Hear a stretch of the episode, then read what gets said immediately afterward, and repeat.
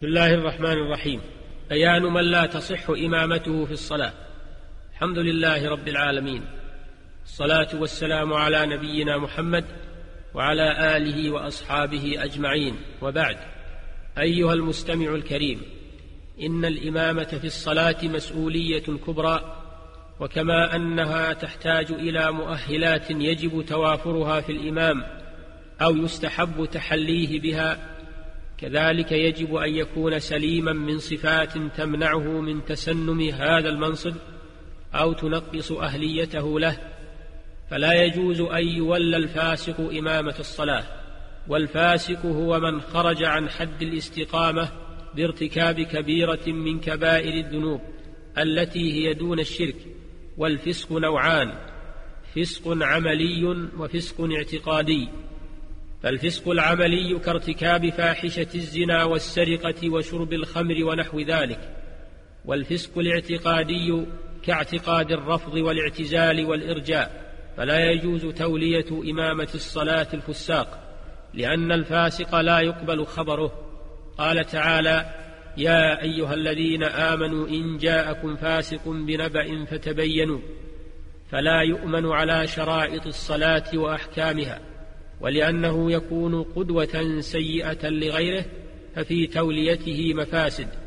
وقد قال النبي صلى الله عليه وسلم لا تؤمن امرأة رجلا ولا أعرابي مهاجرا ولا فاجر مؤمنا إلا أن يقهره بسلطان يخاف سوطه رواه ابن ماجه.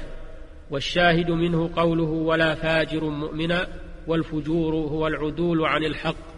فالصلاة خلف الفاسق منهي عنها ولا يجوز تقديمه مع القدرة على ذلك فيحرم على المسؤولين تنصيب الفاسق إماما للصلوات لأنهم مأمورون بمراعاة المصالح فلا يجوز لهم أن يوقعوا الناس في صلاة مكروهة بل وقد اختلف العلماء في صحة الصلاة خلف الفاسق وما كان كذلك وجب تجنيب الناس من الوقوع فيه ولا تصح إمامة العاجز عن ركوع أو سجود أو قعود إلا بمثله أي مساو له في العجز عن ركن أو شرط.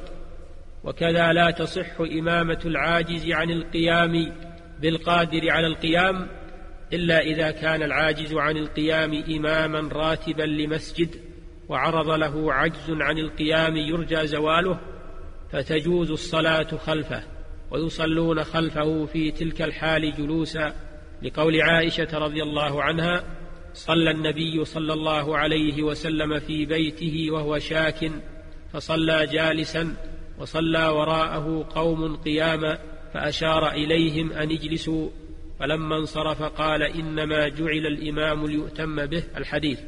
وفيه وإذا صلى جالسا فصلوا جلوسا أجمعون. وفي رواية أجمعين وذلك لأن الإمام الراتب وذلك لأن الإمام الراتب يحتاج إلى تقديمه ولو صلوا خلفه قياما أو صلى بعضهم قائما في تلك الحال صحت صلاتهم على الصحيح. وإن استخلف الإمام في تلك الحال من يصلي بهم قائما فهو أحسن خروجا من الخلاف ولأن النبي صلى الله عليه وسلم استخلف فقد فعل الأمرين بيانا للجواز والله أعلم.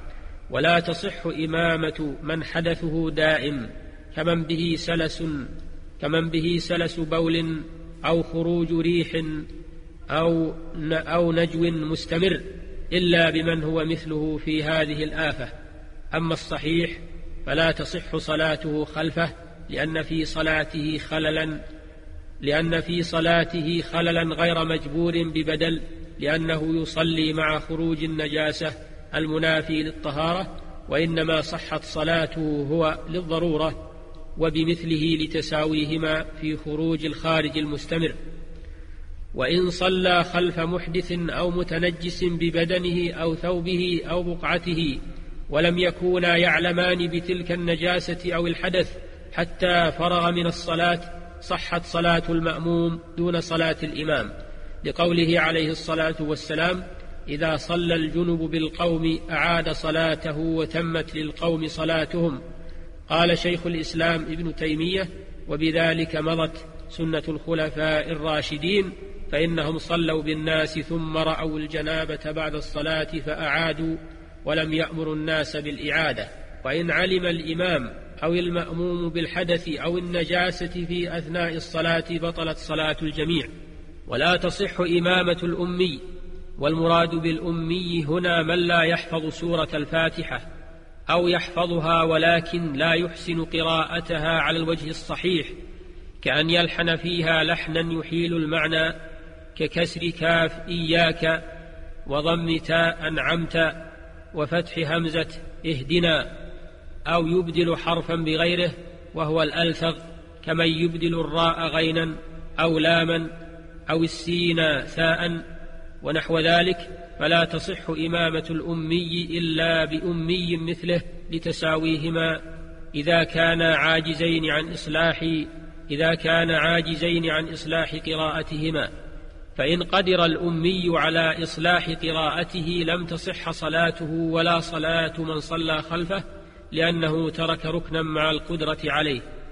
ويكره أن يؤم قوما أكثرهم يكرهه بحق. بأن تكون كراهتهم لها مبرر من نقص في دينه لقوله صلى الله عليه وسلم ثلاثة لا تجاوز صلاتهم آذانهم العبد الآبق حتى يرجع وامرأة باتت وزوجها عليها ساخط وإمام قوم وهم له كارهون رواه الترمذي وحسنه. قال شيخ الإسلام ابن تيمية رحمه الله إذا كانوا يكرهونه لأمر في دينه مثل كذبه أو ظلمه أو جهله أو بدعته ونحو ذلك ويحبون آخر أصلح منه في دينه مثل أن يكون أصدق أو أعلم أو أدين فإنه يجب أن يولى عليهم هذا الذي يحبونه. وليس لذلك الرجل الذي يكرهونه أن يؤمهم كما في الحديث عنه صلى الله عليه وسلم أنه قال ثلاثة لا تجاوز صلاتهم آذانهم رجل أم قوما وهم له كارهون ورجل لا يأتي الصلاة إلا دبارا ورجل ورجل اعتبد محررا. وقال أيضا إذا كان بينهم معاداة من جنس معاداة أهل الأهواء والمذاهب لم ينبغي أن يؤمهم لأن المقصود بالصلاة جماعة إنما يتم بالائتلاف. وقال عليه الصلاة والسلام لا تختلفوا فتختلف قلوبكم انتهى أما إذا كان الإمام ذا دين وسنة وكرهوه لذلك لم تكره الإمامة في حقه وإنما العتب على من كرهه وعلى كل فينبغي الائتلاف بين الإمام والمأمومين والتعاون على البر والتقوى وترك التشاحن والتباغض تبعا للأهواء والأغراض الشيطانية. فيجب على الإمام أن يراعي حق المأمومين ولا يشق عليهم ويحترم شعورهم ويجب على المأمومين أن يراعوا حق الإمام ويحترموه وبالجملة فينبغي لكل منهما أن يتحمل ما يواجهه من الآخر من بعض الانتقادات التي لا تخل بالدين والمروءة والإنسان معرض للنقص ومن ذا الذي ترضى سجاياه كلها كفى المرء نبلا أن تعد معائبه هذا ونسأل الله للجميع الهداية والتوفيق وإلى الحلقة القادمة بإذن الله تعالى. والسلام عليكم ورحمة الله وبركاته. والحمد لله رب العالمين.